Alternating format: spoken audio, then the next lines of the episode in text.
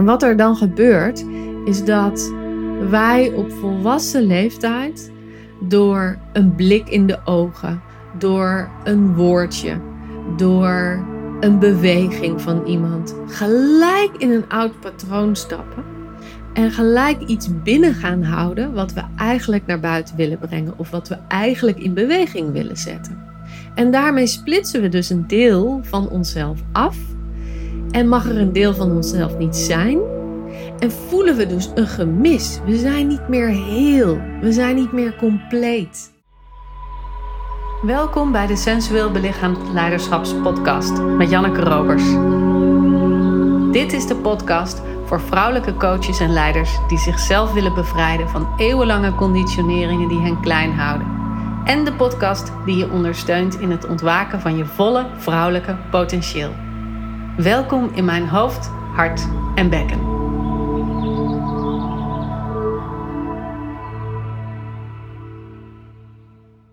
Als ik dit opneem, is het een paar dagen na het afscheid van mijn huidige voluit vrouw zijn groep, die vorig jaar september is begonnen en die afgelopen week afronde.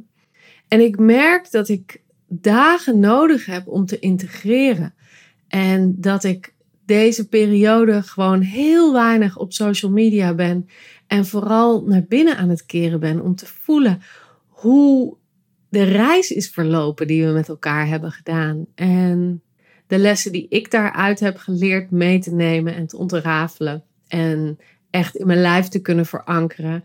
Maar ook om draadjes af te ronden. Om intern en energetisch afscheid te maken. En het als, als het ware rond te maken voor mezelf. En dat rondmaken, dat hebben we natuurlijk ook met elkaar gedaan. De laatste keer dat we elkaar zagen was een driedaagse retraite. Die echt, nou, zowel onwijs liefdevol was als explosief, als heel erg verankerend in het lijf. En dat is ook wel logisch. Ik heb daar in de eerdere aflevering ook al wat over gezegd. Als je toewerkt naar een eind of naar een afscheid of naar een afronding, of dat nou van een project is of van een samen zijn of van een baan of van een coachingstraject, dat maakt niet uit. Maar iedere keer dat je toewerkt naar een afronding, wordt het proces in jou wakker hoe je afscheid neemt. En dat is voor iedereen verschillend. En als bij de een die trigger aangaat, dan zal de ander dat ook voelen en daarop weer getriggerd worden. En zo heb je een, eh, ja, eigenlijk een, een domino-rij die allemaal getriggerd worden in hoe nemen we afscheid en hoe doen we dat uit onze oude patronen. En als we dat realiseren, hoe kunnen we dat dan doen op een gezonde manier? Dus daarin was het wat explosief. En gelukkig was het ook heel verbindend, heel ontspannend. Het was natuurlijk zomer, we konden veel naar buiten. We hebben onwijs genoten van het warme weer en van de verbinding met elkaar.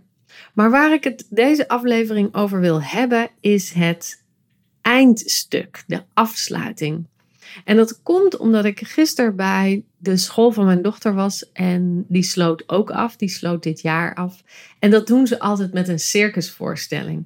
En ik zat daar en het was alsof ik even terug ging in de tijd en weer zat bij het afscheid van de voluit vrouw zijn vrouwen. Omdat de, de manier waarop het gedaan werd in een bepaalde manier gelijk was. En dat raakte me ontzettend. Ik ga niet delen wat we hebben gedaan bij voluit vrouw zijn, want dat is een, iets intiems en persoonlijks. Dus dat, dat is vooral voor hen bedoeld. Maar wat ik wel wil zeggen is dat het afscheid. Ik heb een aantal varianten van het afscheid, een aantal verschillende dingen die ik kan doen. En afhankelijk van de setting en afhankelijk van de vrouwen en afhankelijk van waar ze zijn in, in hun proces, kies ik daar eentje van uit. Maar wat er altijd in zit, is dat ze voor de groep iets laten zien van hun ontwikkeling. En dat ze echt met hun lijf voelen dat ze in een nieuwe versie van zichzelf zijn gestapt of gaan stappen. Dus dat ze op een bepaalde manier lichamelijk verankeren wat dat hele jaar teweeg heeft gebracht en wat er wakker is gemaakt en wat er nou, onder de buitenste lagen naar boven is gekomen van hun eigen unieke essentie. En dat zorgt ervoor dat dat bij iedereen anders is. En dat is zo waanzinnig om te zien. Ik heb vrouwen gezien die wat timide zijn, die wat terughoudend zijn. En in die eindpresentatie zo'n onwijs krachtige oerblik hebben laten zien. Die niet alleen in de blik lag, maar ook in de beweging, in, in de hele energie. En ik geloof dat dit voor haar echt een moment is om terug te kijken op de andere keren wanneer ze weer in het timide stuk stapt en kan voelen van, oh ja, maar toen had ik het. En dat als een ankerpunt gebruiken om dat weer in haarzelf wakker te maken. Ik heb vrouwen gezien die van stevig, misschien een beetje boksig. Hoe zou ik dat zeggen? Niet, niet boksen in de zin van de sportboksen, maar boksen in de zin van het mannelijke, hè? Het vierkante, het lineaire, het hoekige kwamen. En die een hele waanzinnige vrouwelijke, ronde, sensuele vrouw lieten zien, die er ook in hun zit en die opgestaan was en die zichzelf durfde te tonen. Ik heb vrouwen gezien die stevig en een muurtje om zich heen hebben, omdat dat zo nodig was vroeger om zich te beschermen. En nu zo ontroerd, zo kwetsbaar voor de groep stonden en dat als een kracht ervaarden niet meer als een kwetsbaar open en bloot zijnde, maar als een, als een kracht en een vorm van verbinding. Terwijl normaal gesproken was die kwetsbaarheid juist geen vorm van verbinding, geen opening en nu wel. En het belangrijkste van die hele oefening is dat er een groep vrouwen is die met een waanzinnig liefdevol open hart en die liefdevolle energie door hun, hart naar door hun ogen naar buiten laten stromen, hen bekijken. En dus dat degene die presenteert zich ontvangen voelt in liefdevolle ogen, waar ze misschien eerst deze manier van presenteren gezien had als, als een bijna doodervaring. Als dit kan niet, dit bestaat niet, dit mag niet, dit dit hoort niet. En al die stemmetjes die we daarover hebben, over die verdekte delen van ons. En dus in een hele liefdevolle setting die delen van jezelf naar voren laten komen, die delen van jezelf echt durven nemen, is zo onwijs krachtig. En dan maak ik even het overstapje naar de school van mijn dochter, waar dat ook gebeurde op een andersoortige manier. Zij hadden een circusvoorstelling gemaakt. Dat doen ze bijna ieder jaar. Er is een, een juf die uh, ook circusartiest is. En uh, ja, mijn dochter heeft een uh, bijzondere school, laten we het zo zeggen. En het was zo mooi om te zien dat die kinderen zelf hun eigen stukje hadden gemaakt. En meestal traden ze op in een groepje. En er gebeurden natuurlijk allemaal dingen die niet in hun tussen aanhalingstekens script stonden. Wat ze zelf bedacht hadden. Ze vielen van een bal. Um, er raakte een lint in de knoop. Er was iemand weg. Dus er moest iemand uit het publiek getrokken worden. Allemaal van die soortement foutjes als het ware.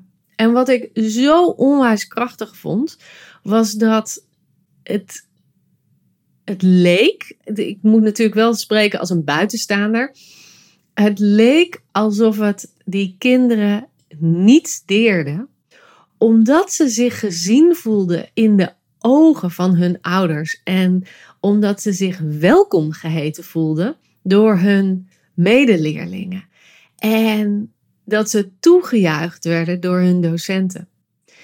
En dat is voor mij zo essentieel dat kinderen op die manier gevoed worden, dat ze op die manier stappen durven zetten die misschien net buiten hun eigen persoonlijkheid liggen, buiten hun eigen ik-stuk liggen. Maar zo welkom geheten worden daarbij. Want dan leer je, ik mag fouten maken, ik mag gek doen, ik mag oplossingen verzinnen die misschien geen oplossingen zijn.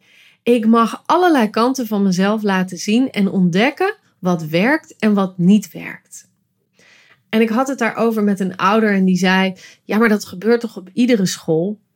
Nou, ik hoop dat dat op iedere school gebeurt. Want wat ik zie in mijn groepen, als er volwassen vrouwen bij mij komen, is dat dus heel vaak dit juist mis is gegaan. En dat zogenaamde foutjes niet werden erkend en afgestraft werden en een boze blik krijgen. En wat er dan gebeurt, is dat wij op volwassen leeftijd door een blik in de ogen, door een woordje, door een beweging van iemand, gelijk in een oud patroon stappen en gelijk iets binnen gaan houden wat we eigenlijk naar buiten willen brengen of wat we eigenlijk in beweging willen zetten. En daarmee splitsen we dus een deel van onszelf af en mag er een deel van onszelf niet zijn. En voelen we dus een gemis. We zijn niet meer heel. We zijn niet meer compleet. En dat is wat ik vaak tegenkom in mijn groepen. Is dat vrouwen zo ontzettend ontroerd zijn en ook verdrietig zijn. Dus dat zijn twee kanten. Hè? Ontroerd is warm en liefdevol. En verdrietig is echt het gevoel van gemis. Als het gaat over die keren dat zij zichzelf hebben afgescheiden van een deel van hen. En misschien is dat het kwetsbare deel, misschien is dat het liefdevolle deel, misschien is dat het woedende, grenszettende deel. En misschien is dat dat sensuele, sappige, stromende deel. Het maakt niet uit welk deel het is, maar iedere vorm van afscheiding, iedere vorm waar we niet in ontmoet zijn, door onszelf of door de ander, wordt een pijnlijk gemis. En het is zo belangrijk dat we dat weer kunnen incorporeren in ons hele wezen, in ons zijn, in onze manier van bewegen. Want dan worden we vloeibaarder, dan worden we opener, dan worden we warmer in het contact. En dan hebben we ook een veel grotere mate van bewustzijn, maar ook van breincapaciteit. En dan bedoel ik niet breincapaciteit in de zin van kunnen denken en oplossingen kunnen verzinnen. Nee, dan bedoel ik breincapaciteit in de zin van dat de wijsheid die er in ons lijf leeft, kan wakker worden en via het brein weer naar buiten gebracht kan worden. Want het brein hebben we gewoon nodig om die wijsheid te kunnen vertalen, om die wijsheid in te kunnen zetten, om die kracht van onszelf in te kunnen zetten. En op de momenten dat er delen van jou zijn afgesplitst, dat er delen van jouw vrouw zijn niet meer aan het woord mogen komen of niet meer getoond mogen worden, gaat een deel van dat brein dus op slot. En misschien, heel misschien, zit er in dat deel wel juist jouw kracht. En ik zeg heel misschien, maar dat is natuurlijk niet heel misschien. Dat is overduidelijk dat daar jouw kracht zit. Want we hebben dat niet voor niets naar binnen gehouden. En zo geldt het ook voor het andere deel. Hè? Dat deel dat wel naar voren mag komen. Dus het deel van de krachtige, zelfbewuste, ik doe het wel zelf, ik regel het wel zelf vrouw. De empowered vrouw of de aangepaste vrouw. Daar zit ook een kracht in. Dat hoeven we niet met het badwater weg te gooien. Dat hoort er ook bij. En dat was ook zo mooi in die presentatie, dat ik zag dat de vrouwen beide delen incorporeerden in hun presentatie. Dat beide delen er mochten zijn. En dat het dus niet een presentatie van één deel werd, maar een een bewegelijke, een flexibele beweging tussen niet eens zozeer uiterste, maar een flexibele beweging tussen verschillende facetten van zichzelf. Als het ware, als dat het, ik moet nu denken aan dat het een, een, een bol is, niet een, niet een platte cirkel, maar echt een bol, waarop verschillende punten zitten met verschillende vrouwelijke eigenschappen. Dus de, de woeste dark feminine, de, de Persifone, het, het, het in ons, de, de sensuele Venus, de liefdevolle Hera, de moederfiguur. Al die dingen zitten daar op die bol. En ze gingen als het ware al die verschillende facetten langs in hun beweging en in hun ontmoeting met hun publiek. Dus in hun ontmoeting van de andere vrouwen in de groep. En dat maakt dat zo'n eindpresentatie een samenvatting als het ware is van zo'n heel jaar. En nou vraag je je misschien af, hoe was dan de samenvatting van jouw jaar? En dat is wel leuk, want um, normaal gesproken ben ik altijd degene die als eerste voorgaat in dit proces. Omdat ik vind dat ik vrouwen alleen dingen kan laten doen die ik zelf ook doe. Dus alle oefeningen, alle bewegingsvormen, alle dingen die wij doen in voluit vrouw zijn, zijn dingen die ik zelf nog steeds belichaam of praktiseer. En uh, ja, dit is iets wat alleen in zo'n groep kan. Dus ja, dan moet ik ook voorgaan, hè? En uh, normaal gesproken ben ik dus de eerste die voorging. Maar er was iemand en die stond gelijk op en die zei: Ik moet het nu doen, want anders doe ik het niet meer. Als ik anderen laat voorgaan, dan durf ik niet meer. Dus ik ga als eerste.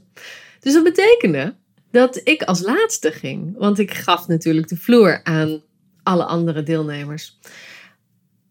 En dat was wel mooi. Want zo deze dagen dat ik zo gebruik voor integratie, voor landen, voor voelen wat er is gebeurd, valt dat stukje ook op zijn plek.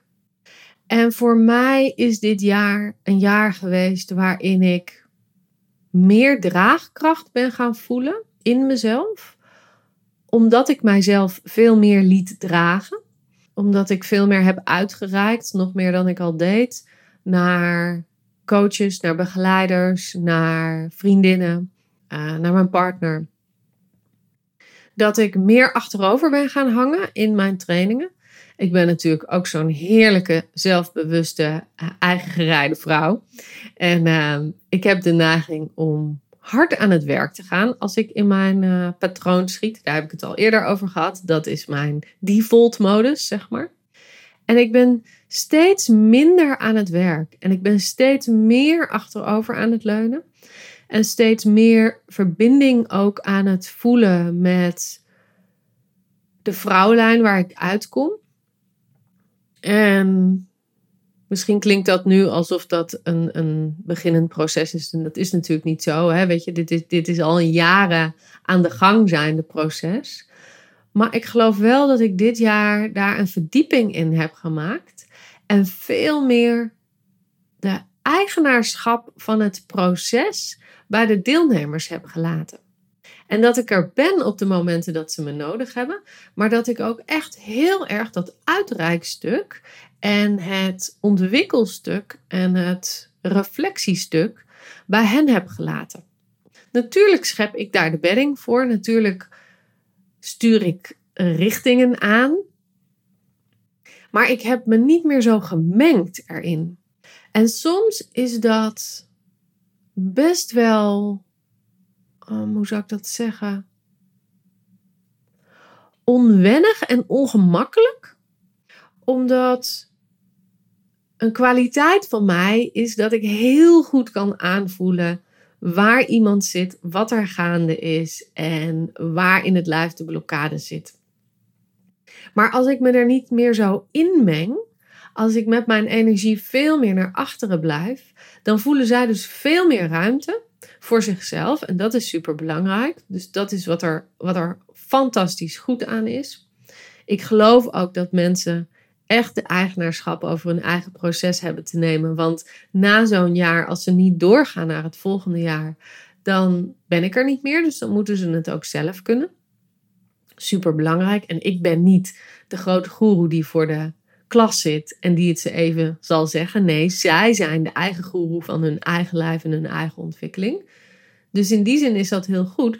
Maar doordat ik een terugtrekkende beweging maak, zit ik ook niet meer zo in die energie en weet ik dus ook niet zo met mijn brein wat er gebeurt.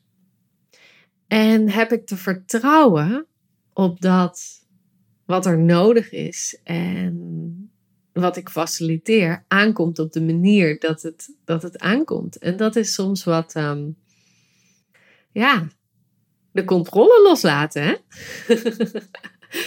en dat was ook leuk dat, uh, dat ik dus als laatste was in die presentatie.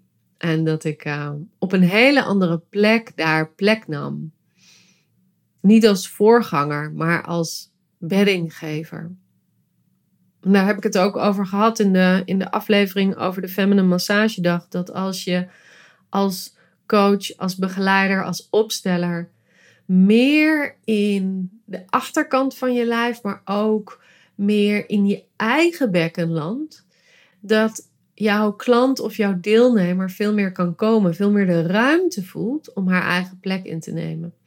En dat is eigenlijk als ik zo rondkijk in dit jaar, wat ik ook veel meer heb gedaan en wat ik nog veel meer wil gaan doen de komende jaren.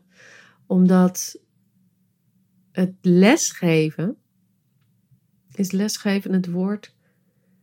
Nou, voorganger zijn misschien. Ja, ik denk dat dat eerder het woord is. Dat dat dan veel moeitelozer gaat. En me nog minder energie kost en me juist energie geeft. Nou, dat lijkt me een goede afronding van dit verhaal. En om hem dan even praktisch te maken, sla hem dan eens even om naar jouw proces. Naar jouw schooljaar, als het ware. Jouw jaar van september tot nu. Wat is er gebeurd? Wat heb je meer naar boven laten komen in jouw begeleidingswerk, in je opstellingenwerk, in je coach zijn? En wat kun je nu dieper verankeren? En welk gemis of welke afscheiding kan je nog meer aannemen in jouw manier van vrouw zijn en de manier waarop je naar buiten treedt? Welk deel van jou mag er nog meer aanwezig worden in jou, levend worden in jou? Dat is een mooie vraag om eens over te reflecteren zo in de zomermaanden. En mocht je nou mijn begeleiding daarbij willen hebben om nog meer delen van jezelf wakker te maken en voluit jouw vrouw zijn te leven en in je werk te brengen en in je relatie te brengen, dan ben je natuurlijk van harte welkom en uh, mag je uitreiken voor een embodiment sessie. En dan onderzoeken we samen hoe ik dat voor jou zou kunnen doen en wat jij bij vrouw zijn, uh, voluit vrouw zijn zou kunnen ontwikkelen of kunnen leren of nog meer wakker kunt maken. Ik hoop van je te horen. Vind je deze afleveringen nou super boeiend en super waardevol? Klik dan alsjeblieft op volgen bij iTunes of volgen bij Spotify. En deel de aflevering met mensen in je netwerk waarvan je denkt: ja, die kunnen er ook wel baat bij hebben. Want het lijkt me zo onwijs mooi als dit een ripple effect gaat krijgen onder alle vrouwelijke coaches, zodat ze meer van niet van brein en hartverbinding zijn, maar van hart- en bekkenverbinding. En dat daar veel meer belichamelijke stevigheid in ons allen wakker wordt. Dankjewel voor het luisteren en tot de volgende keer.